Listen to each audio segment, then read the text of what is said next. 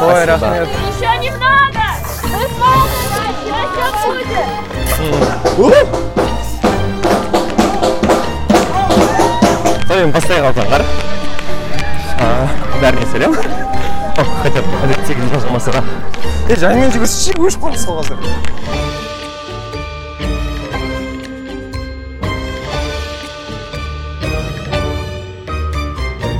бәріне сәлем. Сіздермен бір айдан астам уақытқа жоқ болып кеткен түйме подкасты және оның тұрақты жүргізушісі мен заңғар. Мен осы подкаст арқылы өзімнің айналамды қаламды сау қарым қатынасқа түсіністікке шақырғым келеді. А біз неге сонша ұзақ уақытқа жоқ болып кеттік? Ол уақытта не өзгерді не болды? Бұның барлығын отызыншы қыркүйекте ә, бейсенбі күні кешке дауыс телеграмдағы дауыс чатта талқылайтын боламыз. Ал қазір екінші маусымның үшінші эпизодына кішігірім кіріспе. Ә, бүгінгі тақырып жалпы қазақстан қазақ қоғамына ғана емес бірнеше көптеген елде бар ә, түсінік жұрттың баласы деген ұғым. Біз бұл эпизодты жазу үшін өткен жексенбіде алматы марафонға қатысып 10 шақырым жүгірдік. Жалпы бұлардың барлығы бір бірімен қалай байланысты? Бұны не үшін таңдадық? Ә, не туралы айтамыз? Соның барлығын эпизодта тыңдайсыздар. Ал қазір ол эпизодты тыңдамас үшін кішігірім ғана ескерту. Ә, бізде енді жүгіріп бара жатқан соң ә, біз мүлде дайындалмай барған соң ол жаққа және сапалы микрофон емес кәне бір петличкамен жаза салған соң ә, дауысымызда кішкене бір мәселе болып быт болып кеткен. Сол үшін егер құлақтарыңыз ауырып жатса ә, болмаса қан ағып жатса онда барынша түсіністік танытып дауысын басып тыңдасаңыздар. Олай болса кеттік. Кеттік. Сонымен біздің бүгін талдайтын тақырыбымыз өте қызық және қызық жағдайда талдап жатырмыз ол жұрттың баласы тақырыбы. Жалпы бұл тақырыпты не үшін алдық заңғар біз екінші маусымда көбірек өзімізге қатысты өзіміз кезіккен проблемаларды айтқымыз келді. Олардың бірі талдап отырып тақырыптарды таңдап отырған кезде екеуміздің де түсінгеніміз екеуміз де бұл қоғамда кішкентайымыздан жұрттың баласы болып өскен екенбіз. Ол ә, ненің привилегияның бір өзінің кемтар салдары қазір көріп қазірден көріп жатыр. Дәл қазір көріп жатыр. Дәл қазір сәтте көріп жатыр. Заңғардың өйтіп айтуына себеп бар себебі біз алматы марафонға тіркелдік. Менің ондағы басты мақсатым бүкіл подкастерлардың бәрі мен үшін табысты адам сияқты. Да сол марина айнель сияқты мен де жүгіріп көрейінші деген ой марина шерипова мен айнель әмірхан ой детокспен егер тыңдасаңыз болады күшті деп. Тегін жарнама. Сосын сол тіркелгеннен кейін мен жүгіріп көрейін дедім. Өйткені жұрттың бәрі жүгіріп жатыр жыл сайын жүгіріп жатыр медаль алып жатыр. Мен де сондай бірдеңке алғым келіп пікірсайыстан кеткелі бері кубок ойладым сосын тыныш жүрмей заңғарды манипуляциялап оған сотып бердім. Общем оның үстіне футболка қосып мен он мың теңгеге жалпы орын алдым. Сөйтіп оны ұмытып кеттім. Сосын сосын негізі өткізуге болатын еді ол слотты ақшаңды қайтарып алуға. Мен заңғарға өткізіп алғым келмейді ақшаң күйіп кетеді деп өтірік күйдірдім мұнда келу үшін. Өйткені біз қазір сол білмеймін кішкентайымыздан жұрттың баласы жұрттың баласы деп өскеннен кейін өзім жұрттың баласы болғанбыз. Ал дәл қазір мен жұрттың баласы болудан қалдым. Сол үшін Қазірден бастап қызық иә. Жалпы. Ол тек қана қазаққа тән ә, нәрсе емес. Мысалы қырғызстанда эльдің баласы деген бар. Одан қалатын Да? орыстарда сын маминой подруги деген секілді. А, иә. өзгемен салыстыру басқа. Енді сонымен жұрттың баласы деген ол не? Жұрттың баласы. Ол ә, меніңше жалпы бүкіл от, отбасың қоғам өзі меншіктеп алған. Сосын бәрі өзінің апдейттерін жасап жасап миында өте андай аморфты түсінік өйткені кез келген қалай ыңғайлы жағдайда ол жұрттың баласы болып кетеді. Жұрттың баласы үй жуады жұрттың баласы ыдыс жуады үй жинайды балалы болады. Әйтеуір жұрттың баласы бірдеңке тындырады да жүреді сен бұқып бітірмейсің. Өте андай білмеймін маған кішкентай кезімнен бойыма дарыған ол нәрсе өйткені. Біз егіз болып өскенбіз. Егіз екеуміз бір бірімізді андай еселеп арту үшін көп нәрсе істейтінбіз сосын мектепке барған кезде бір бірімізбен жарысып оқитынбыз. Екеуміз жұрттың баласы болдық сыныпта. Соның кесірінен мен жек көретінмін. Екеуміз ба? Жоқ мені жек көретін сыныпта өйткені егізімнің әлеуметтенуі маған қарағанда әлдеқайда жақсы болды. А мен андай өркөкірек болғанмын кішкентайымнан. Сонымен сонымен бірінші сыныптан бастап маған сөйтіп қарайтын біз сен, сен біздің жынымызға тиесің деп. Ата аналар жиналысынан кейін бүкіл сынып мені жек көретін. Өйткені апайлар мақтайды басқасы. Өмірімде тек бір ақ рет сөгіс естіппін ата аналар жиналысында. Оның өзі жетінші сыныпта менің сыныптасым да бір қыз сыныптасым да екінші сыныптасым. Мені ұнатқаны үшін жағына неге жылайсың деп ұрып тастаған ғой. Соның әжесі келіп дастан деген кім ал деп. Не ұялып бетін басымды көтеріп сүмірейіп тұрамын өмірінде бірінші рет сол. Ол басқасының бәріне жиналсын бәріне бақтайтын сізде сонда оқушылардың өзінің қатарластарыңыздың тарапынан көрдіңіз бе ондай Иә. нәрсені? Иә меніңше ол жұрттың баласы деген нәрсені. Андай бір ата ана баланы бір білмеймін. Өзінің жарысқа қосып жатқан сәйгүлігі оның бір роботы сияқты көреді да Сол. сол үшін де ол басқа ата анамен жарысады. Бұл жерде балалардың арасындағы жарыс емес ата аналардың арасындағы жарыс. Сол үшін мен өзім байқағаным қанша жерден жаңағыдай әңгіме естісем де оны сыныптастарым тарапынан көрмегенмін нәрсені қандай бақытты адамсыз оны көрмегенде просто біз бай- бай- байқамаймыз ол нәрсені. Байқатады бізге ата аналарымыз мысалға маған ешнәрсе айтпайды. Мысалға маған ата анам сыныптағы басқа адамдар басқа балалар туралы жақсы жаман деген сияқты ешнәрсе айтпаған. Ал сол үшін де мен өзімді типа жұрттың баласы деген менде болған жоқ. Мм, бірақ мен туралы басқа ата аналар айтатын менде де сондай сол үшін де ол, ол балаларда болды ол жұрттың баласы деген. Мен, типа жұрттың баласы болып кеттім демеймін просто басқаларға мен жұрттың баласы қылып көрсетті. Мен де сөйтіп сол иә сол үшін де менде мектепте андай түсініктер болатын. Әдемі жаман. Әдемі жаман деген не? Сен әдемісің типа жұрттың баласысың. Бірақ кейбір енді балалық қылықтарың үшін сен жамансың. Қандай жамансың? Сен деген үлгілі үлгілі бір өнегелі отбасынан шыққан баласың ғой. Сен де өте тәртіпті адамсың ғой. Не үшін сен барып бір қыздың шақшаны тартасың е ойнауға болмай ма? Кешігуге болмай ма? Жұрттың балалары! Баласы.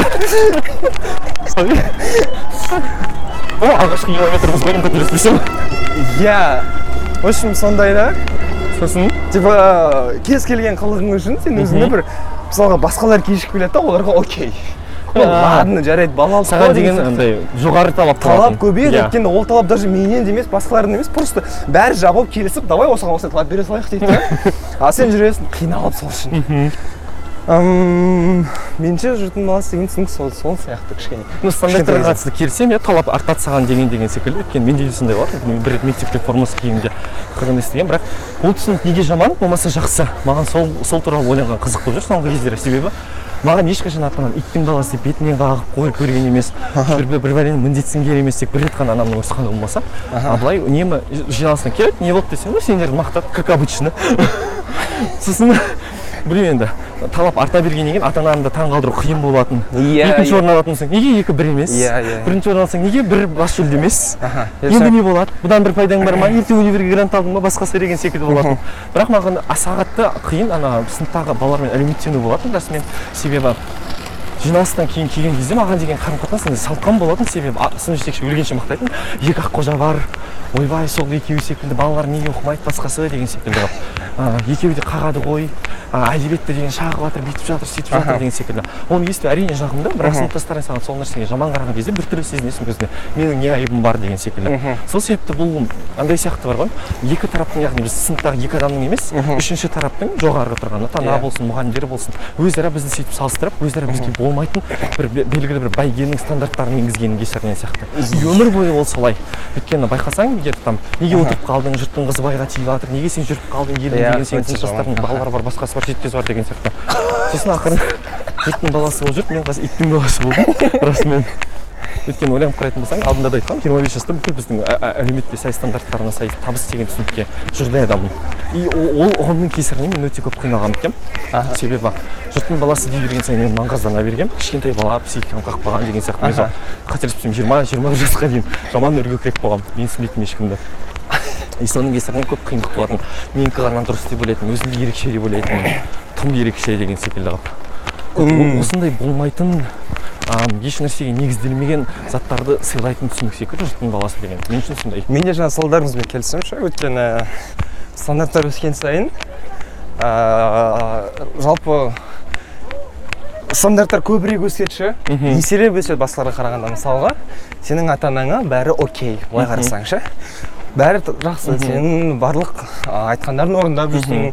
Өзіңнің талабыңа сай жұмыс істеп әрекет етіп жүрсің мектепте мектептен айтамын. Бірақ ә, жиналыстарда мысалға мынандай әңгіменің кесірінен сіздің балаңыз алтын белгі болатын бала сіздің балаңыз ана жақта оқитын бала сіздің балаңыз андай бала дегеннен кейін олар типа бір сені көзіңде уже бала сияқты қарамайды как будто Иә. бір не сияқты қарайды. Андай допинг тығып тығып ше. Жарысқа дайындап. Сен табысты табысты болуың керексің иә табыс. Андай боевой күші ит сияқты ше. Дайындау керек. Мынаны бір нәрсе шығару керек деген сияқты. А сен жай ғана өмір сүргің келеді деген сияқты. Одан кейін ыыы, сосын ең жаманы ол талаптарға сен ыыы, орындай алсаң да жаңағыдай көп бір керемет марапатты алмайсың. Жоқ. Қалыпты жоқ жоқ иә иә онысы бар.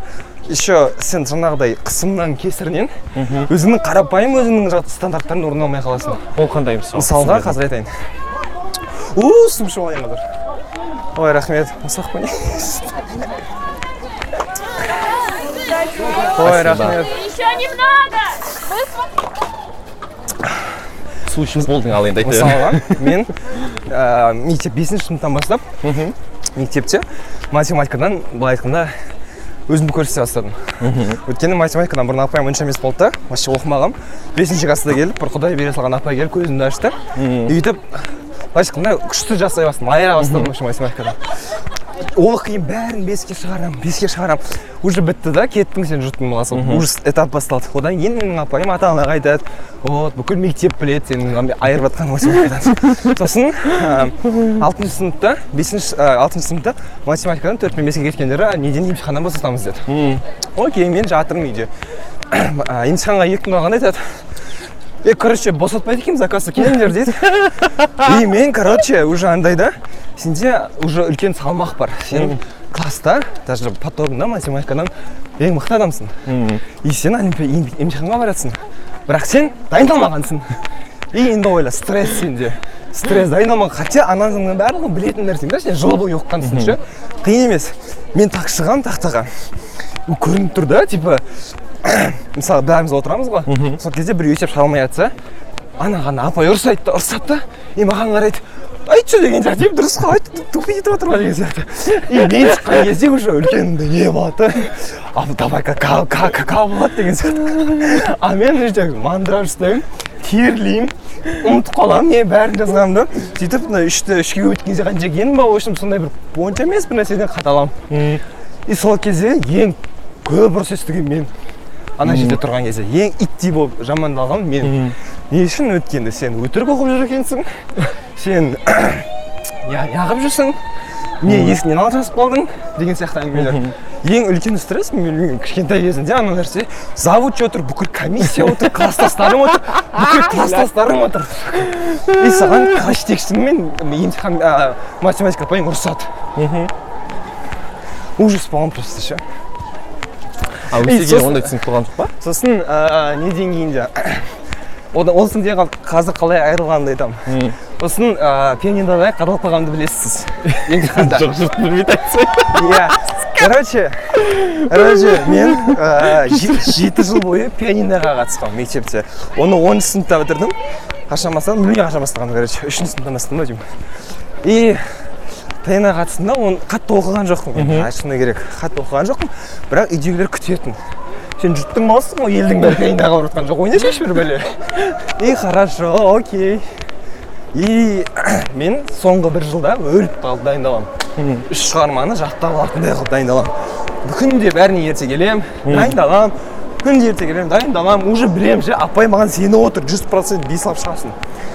Емтихан күні. Өмірімде бірінші рет папа концертке келеді ғой.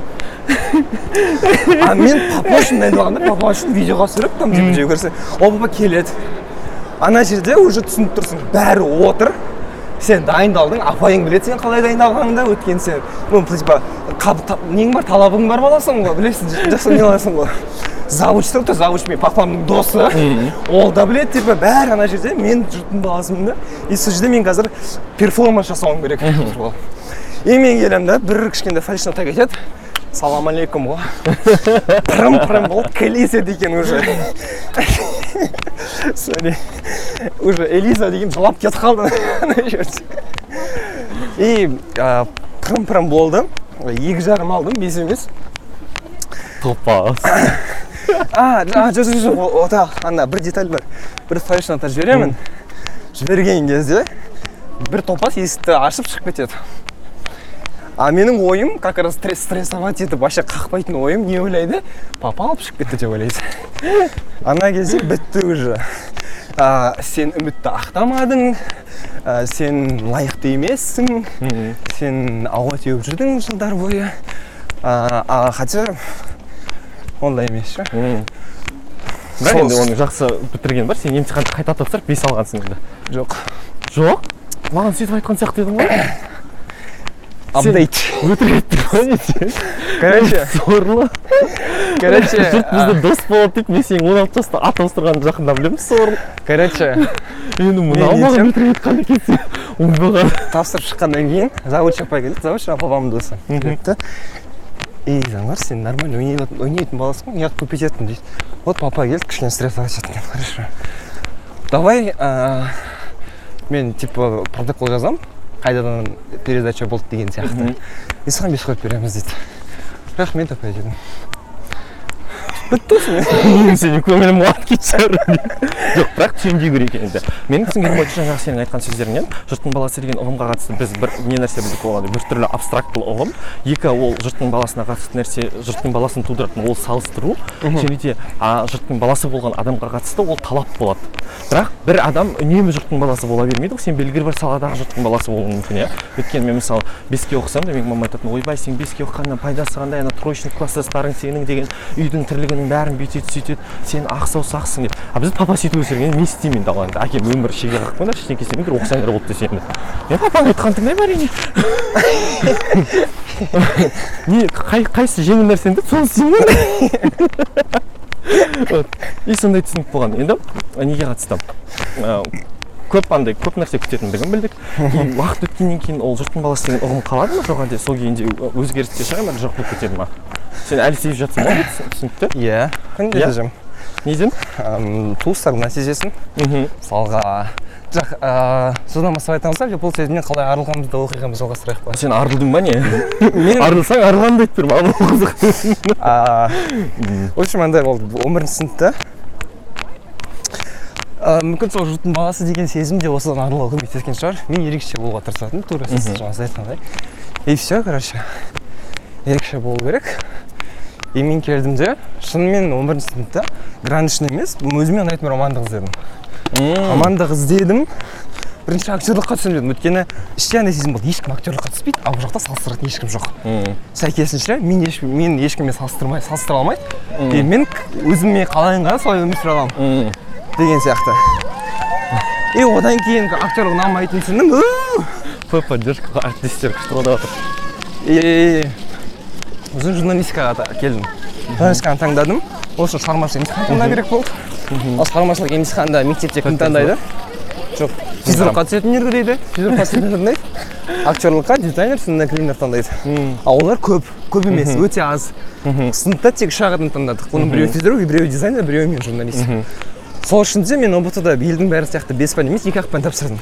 Бақыттысың қой сәйкесінше мен уже андай жұрттың баласы деген салыстыратын шығып кеттім да этаптан ше құрметті түйме тыңдарманы егер сіз бізге өзіңіздің кішігірім қолдауыңызды білдіргіңіз келсе және де дастан мен заңғардың эмоционалды күйюге тап болмауына себепкер болғыңыз келсе бізді каспи арқылы қолдай аласыз.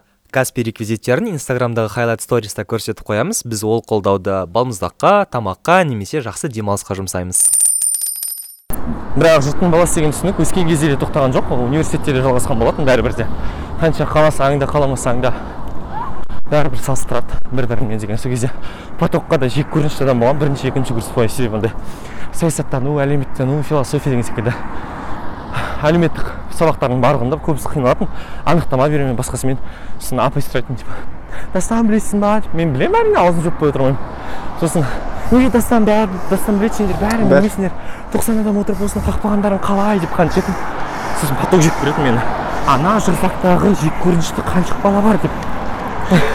Ужас құдайға шүкір мен адам сияқты универде оқығанмын нормально дені сау бізде өйтіп салыстырмайды маған соның соның кесірінен әлеуметтену қиын болатын ше стереотиптерге көп толы болатын сосын. Үшінші төртінші курста бастаған кезде ей тәп тәуір бала екенсің ғой бірінші курста күні екінші курста жынға тиетін едің? дейді да. Соның кесірінен андай білмеймін. Көп әуел бастағы стигмаларға тап болады екенсің сол жұрттың баласы деген түсініктің кесірінен. Бірақ өсе келе бәрібір отбасыда да ол түсінік ақырындап баяулады сосын маған жұрттың баласы үй істеп жүр сен неғып өйткен жоқсың жұрттың баласы оқуының ақшасын өзі төлеп жүр. Неге сен жұмыс істемейсің деген секілді нәрселерді айтқан емес. Хотя платкада оқыдым екі жыл бойы өзім төледім деген не үшін тоқтады ондай не білмеймін анамның деген ма- маған сенімі ата анамның маған сенімі артқан секілді бар ғой. саналы әрекеттер жасай алады ма басқасына деген секілді. Қазірдің өзінде анам айтады "Ей, саған уайымдамаймын өлмейсің ғой дейді да. Сен боқ сияқтысың не суға ақпайсың не отта өртенбейсің деп. Біздің отбасыда күшті мақтау негізі. Бірақ шынымен и ол, ол жағдайда мен ата анама өте қатты қуанамын бар ғой. Риза боламын қазіргі таңда маған қысым жасамайтынына неге өйтпедің сөйтпедің неге сен қатарластарың өйстіп сен өйткен жоқсың деген секілді. Әрдайым білген өмірін сүр қалаған өмірін сүр бізге деген реніш өкпең болмаса екен дейді да. И меніңше онда ең күшті подход дейді ғой. Әдіс. Сенімділікті арттырудағы басқасындағы ну білмеймін күшті сияқты меніңше. Бірақ топтастарым соны айтады типа апайлар айтады ғой типа ойбай дастан сияқты ойсыңдар басқасы деген секілді сол кезде. Жұрттың баласы деген түсін үшін өздері ыңғайсыз сезінеді өзім бар ғой. Менімен жарысқысы келмейтін бәрібір ол озып кетеді бірдеңке деген секілді. Сенім артатын. Бірақ талаптың бәрібір де көп жоғары болатындығына мен сенемін. Келісемін ол нәрсемен сто пудов қаласаң да қаламасаң да сенен екі есе көп күтеді да. Ну бірақ кейде ойланасың. Жүз проценттен артық жүз процент жинай алмайсың.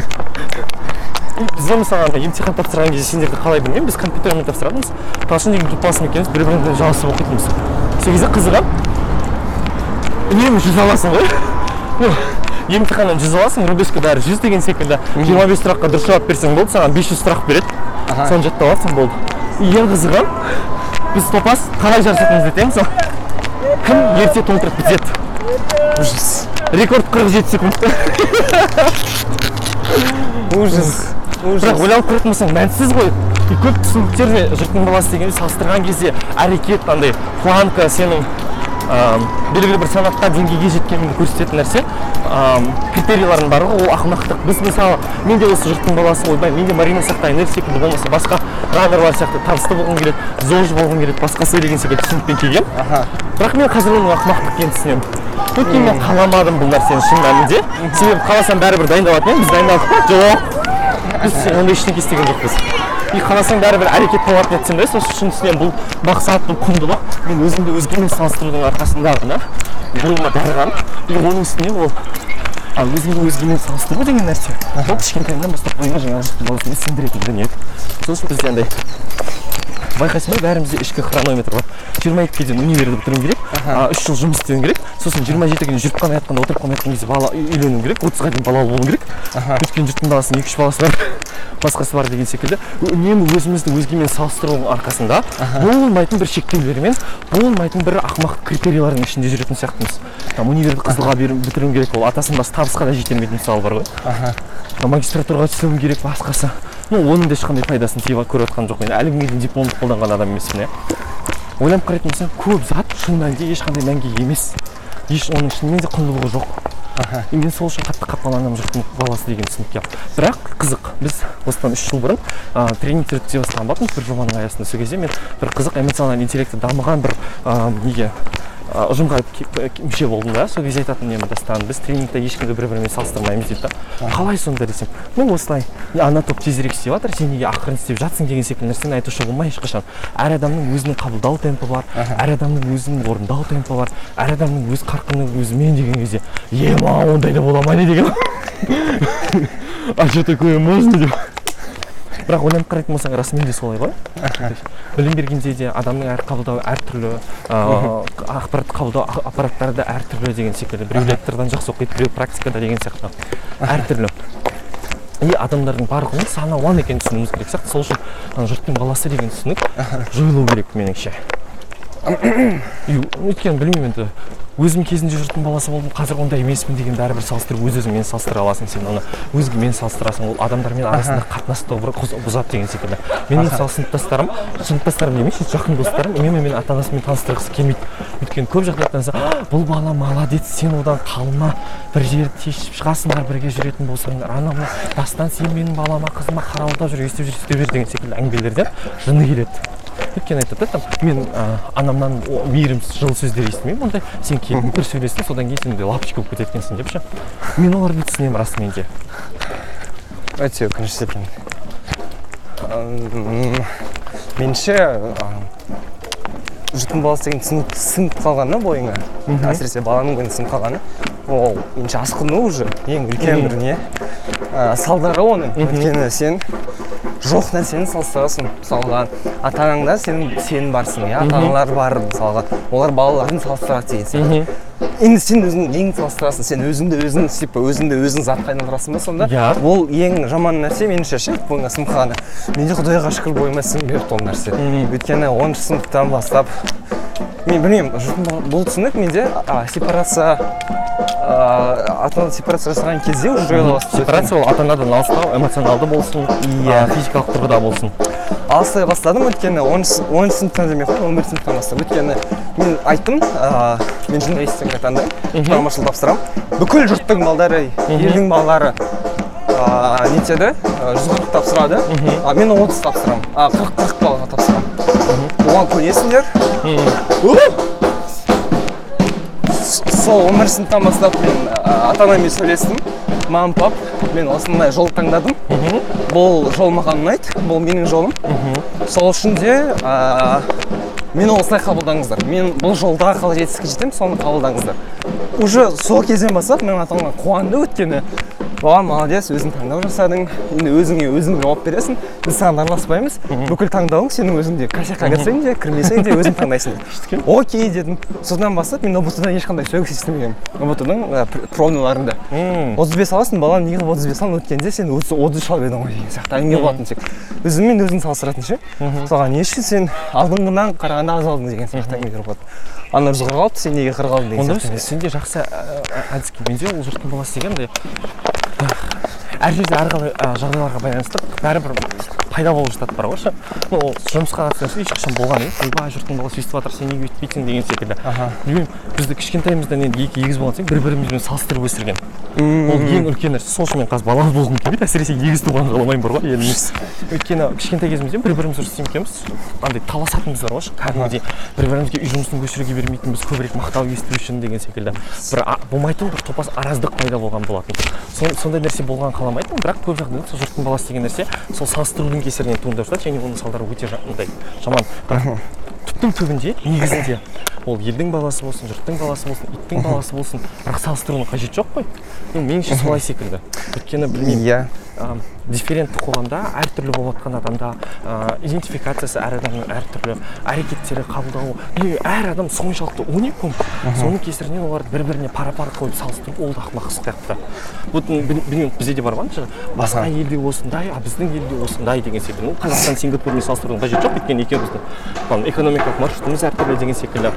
Ә, әлеуеті әртүрлі басқасы деген секілді келетін критерийлерге сай және келетін ә, этномәдени факторлар есептеп салыстыратын болсаң ол норм дегендей сол үшін мен мысалы қазір өзім естетін болғанмын. Жұртты айыптамас үшін өзімді айыптамас үшін. Егер екеуміздің жүрген жүрісіміз бірдей болып тұрса тура осы марафондағыдай яғни старт пен финиш бірдей жол жөнекейдегі андай аялдамалардың барлығы бірдей дәретхананың бірін ауысуы деген секілді ше. Оның барлығы бірдей факторларға ие болып бірдей әлеуетке ие болып бірдей дайындықтан өтіп бірдей физикалық параметрге ие болғаннан кейін барып қана істесе онда бір бірін салыстыруға келеді деймін. Басқасының бәрін салыстыруға келмейді меніңше менде ә, қазір ойланып келе жатырмын не болған сияқты. Жаңағыдай қорқыныштан кейін ә, үздік болып кету үздік болғаннан кейін жаңағыдай сол үз- үздік болған кезде сенің планкаң болады ғой. Иә. сол планкадан кейін қайт- қайтып ә, аттай алмай қалу деген сияқты ше. Типа андай бір не дейді ғой? Самозванца Синдром синдром самозванца. вот. Сол нәрседен андай жаман қорыққан сияқтымын да. И қазір менде бір. сақтапты деп па? Мен одан ұзақ уақыт арылдым себебі мен бағана сенің айтқаныңмен келісемін. Универ бітіргеннен кейін мектеп бітіргеннен кейін не істерін білмей қалады абдырап қалады деген секілді. Мектеп бітіргеннен кейін мен не істесем болады дегендей қорқыныш үрей болған жоқ. Себебі оны бағана он бірінші сыныпта ол себеп болды. Ам, ент бас тартуымның арқасында ден қоймауымның арқасында құнсыз құнсыз нәрсе екендігін түсінгеннің арқасында мен бірден жұмыс істеп кеттім. Бірақ ә, универ бітірер кезде менде сол нәрсе пайда болды мә астан төрт жыл журфакта оқыдың. Сен бүкіл нәрсені істеп көрдің бірақ қазір істегің келмейді деген секілді. Өйткені мен тез күйіп кеттім. Мамандықтан он алты жаста бастадым. жиырма жаста мен уже пока дедім бар ғой ше.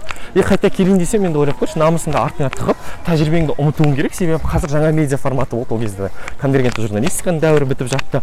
Сосын ал енді қалай үйренсем болады не істесем болады деген секілді. Сұрақтар пайда болды да и гапия болсын деп мен магистратураға сол үшін түстім шынымен де өз өзіме келейін ойланайын деген секілді. И ол маған көмектесті. Мына жұрттың баласының бірінші несі ма? Оқуға түсіп гпр ужас. бірақ уақыт өте келе ол, нәрсені бүкіл саладағы жұрттың баласы деген нәрседен арылып жатыр тек осы марафонға тіркелген, кезімде ғана уақыт құрып та сол үшін көп нәрсені таразылау керек сияқты. Құндылығың сенікі ма жоқ па деген секілді ол саған жақын ба жоқ па дегендей мен қазір еш намыстанбайтын болдым. Ол мысалы марафонды заңғар жүгіріп келе жатыр мен жанында жүріп келе жатырмын маған бәрібір. Лайда медаль аласың жоқ тура сол жаңа сіз ма- марафонды мысалға келтірдіңіз мен айтқым келді мына жақта әркімнің мақсаты әртүрлі. Иә. Мен мына жақта қазір ана бір кісі озып кетті менен үлкен білмеймін енді. Менің әкемнен де үлкен кісі. Озып кетті. Не істеймін енді мен просто мына жаққа бірінші келген адаммын біріншіден. Біріншіден екіншіден мен бұған дайындалған жоқпын. Үшіншіден маған бірінші орын алып қажет емес. Алмаймын да ол нәрсе бірақ бәрібір амалсыз өзіңді біреумен салыстырасың ғой Жоқ, мен- жоқ қарасаң әлемдегі тура осы метафора ғой сен Иә, сыныптастарыңмен бірге бір старттан шығасың өзіңді бәрібір салыстырып отырасың. Мен қымбат деген сыныптасымда үш баласы бар дастан әлі күнге дейін жеке өмірі жоқ деген секілді. Бірақ ойланып қарайтын болсаң sorry don't worry де ә, біріншіден әр саладағы мынадағы дистанция әртүрлі секілді өмірде де сондай. Саласы әртүрлі дайындығы әртүрлі и бағанағы сен айтқан мақсат мүддесі де әртүрлі. Бірақ мен келісемін толық. Менде бір сұрақ бар. Сіз ә, 2020 жылы мен туған күнімде тілек айтқансыз ол кезде. Өзіңді салыстырудан қорықпа ол өзіңнің ерекшелігіңді түсінуге мүмкіндік береді. Дедіңіз соны түсіндіріп беріңізші не салыстырған кезде- салыстыру дедіңіз да қазір салыстыруды Жоқ, мүлде жаман қылып келе ол кезде екеумізді көп ұқсататын мысалы мен айтатынмын типа ол норм дегендей ғой өйткені сені дастанмен ұқс- ұқсататын болатын болса ол керісінше бір жағынан жақсы да болуы мүмкін жаман да болуы мүмкін. Әркімнің критерийі әртүрлі дастан деген. Біреу үшін ол бата біреу үшін ол қарғыс. Саған қай мақсат айтқанын білмеймін бірақ дегенмен де сені біреумен салыстырудың арқасында менің одан қандай артықшылығым ерекшелігім бар. Болмаса неде айырмашылығым бар деген секілді нәрсені түсіне аласың ол бір. Бірақ ең бастысы ол кезде қабылдай алу. То есть заңғар мен ары кейін не істеймін ал енді? Өлесің ба деген секілді. Болмаса дастанның приколдары өте ал өлді ал енді ал не істейік ал енді қылқынайық па деген сияқты. Иә меніңше Сол нәрселерді меніңше объектив салыстыру ол мүмкін емес нәрсе. Иә, жоқ иә, салыстыру. мысалға мысалға сен жай қарап ә, маған мен жек көремін мысалға сыртымыздан қарайды да екеумізге. Тура дастан ғой дейді сен дастанның қандай екенін білмейсің. Сен дастанның күнделікті әрекеттерін білмейсің. Сөзін білмейсің. Ә, мінезін білмейсің. Қалай сен екеумізді типа түрімізге қарап қылықтарымызға қарап салыстыра саласың. И не үшін мен оған типа сеніп ойбай деуім керек ше? Өйткені ол объектив салыстыру жоқ өмірде. Сол үшін де мен ә, адам егер өзі салыстырса и оны нормально түсіне алса окей де- дер едім типа мысалы адам мысалға менде андай. Ә, мен ә, кішкентай кезімде папаммен баняға жиі баратынмын звание айтатын ол өте опасный залсын ол өте өте өте қауіпті денсаулыққа короче кім білмейді ол нәрсені айтайын. Баняға барған кезде мен ойлаған зат болса. Иә. Короче баняға баняға барған кезде бізде парилка дейтін бар. Бүкіл баняда ол бір ақ парилка. А, анау аралдағы ең үлкен қалалық монша. Ана парилкаға бәрі барады. Сен бүкіл а жоқ жоқ жоқ сіз не айтып жатсыз дастанның дастанның ойы бұзылған. Дастан үшін өте э, бала шағы өте ауыр болған дастанның сол үшін де оның психикасы кішкене стандарттары әртүрлі. Короче иә иә сол деп мен түсінігім нормально деп хотя бы ол кішкентай кезімде бұзылмаған шығар деп ойлағанмын короче кірген кезде ол жер ыстық қой енді. Сен барынша әкең айтады көбірек отырып аламын дейді типа. Сіңсін ыстық кірсін дегенге дейді. Сен кіресің да ішке баняға сосын бір адамды ұстап аласың сенімен бірге келген. Ұстап аласың да сосын а, пешка отырған жерге кім жақынырақ барады сонымен салыстырасың бірінші. Ыстық қой жағы кім ыстығырақ барады менің күлкілі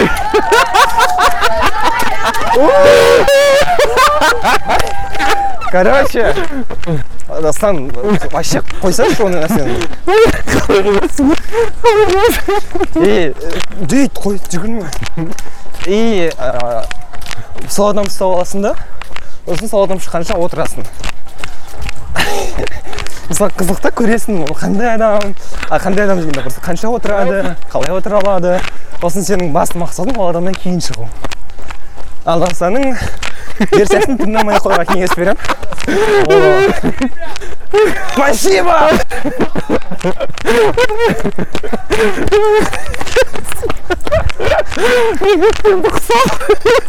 Не дейді жүгіріп жүгіріп сөйлеуге сөйлеуге болмайды екен өйткені ұқсайын деп жатырмын қыздың балың шешіп жатты біз үйде отырған адамбыз ғой бар ғой құдайдың берген жексенбісінде ұйықтап бару атасының басына келді ма алматыда мың қырық кафе бар. Жасыл статусың бар. Жоқ. Жын сияқты тауға бару керек марафон жүгіру керек. жоқ қой сіздің. Айтпай ақ қояйын ба біздің ақшамыз жоқ ақша беріңіздерші. Тобыз кешері в общем солай. Сол кезде енді андай да тура бір ойын ретіндегі салыстыруда сенде бір ашу стресс болмайды мысалға. Өлә ана адам менен көп отырып кетті деген сияқты. Болмаса ана адам сенен көбірек отырып жатса ыстықта. А сенің физически оның халің жетпесе денсаулығың ше шыдай алмайсың өліп бара жатсың шығасың ғой амал жоқ. Сосын мойындайсың е анау кішкене бұрыннан барып жүрген адам екен деген сияқты. Меніңше бұл кішкене бір ақылға қонымды бір пайдалы салыстыру өйткені өзіңді кішкене шыңдайсың. Егер өзің салыстырсаң ол нәрсеге типа саналы түрде просто өзіңе бір салыстырудың пайдасы тиюі мүмкін. Иә просто дәл не нәрсені салыстырып жатқаныңды түсіну керек. Кімді кімде кіммен емес нені немен мысалға жұмыс болса оның орындау жылдамдығын допустим егер ә, оның сапасын емес или там сапасын нақты бір критерий ғана меніңше ше и бұл критериймен ғана сен өзіңді типа шыңдай аласың бір белгілей аласың. Окей мысалы қазақстан менен тезірек жұмыс істейді. Окей мен оны мойындаймын. Не үшін тезірек жұмыс өйткені ол кішкене сондай бір дағдыланған деген сияқты. Менде ондай жоқ? Оған жетілу керек. Нақты неге? жылдамдыққа қарай. Егер бұл шыңдау мақсатында болса онда шыңдалғың келсе демек сен а, себеп салдарына түсіну керексің ол нәрсені. Неге екеуіңде мысалы ағылшын деңгейі әртүрлі? Иә. ол нешті бітірдің сен? Ауылдың мектебін бітірдің деген секілді. Иә иә иә. неге сендердің жұмыс істеу темптерің деген бүкіл факт секілді? ескерілу керек. Аха. Иә Фактор. өте қызық екен.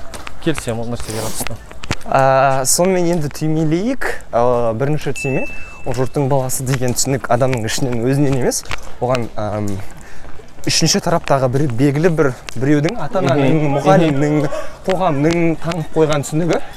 Оған сенің вообще қатысың жоқ ол түсінікке ол адамдардың басқа адамдардың арасындағы жарыс.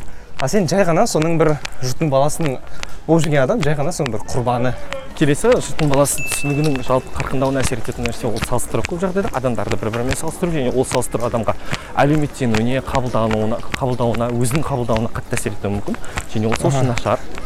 Сосын жұрттың баласына қатысты қойылатын талаптар әрқашан әртүрлі және өзгеріп отырады. Сол себепті ол Ешқашан, иә. өйткені өз өзіңмен күрескеннің мәні жоқ секілді ешқандай иә бұл еш- ешқалай өлшелмейді өйткені оның характері жоқ ә, шкала жоқ дым ғана бір өлшем жоқ тек қана бір түсінік тек қана бір бір ә, бір қарағандағы әсер бұл жерде ешқандай факторлар ескерілмейді деген сияқты қанша тырыссаңыз жүз пайыздан артық ештеңе жинай алмайсың иә су ішіп алайық қазір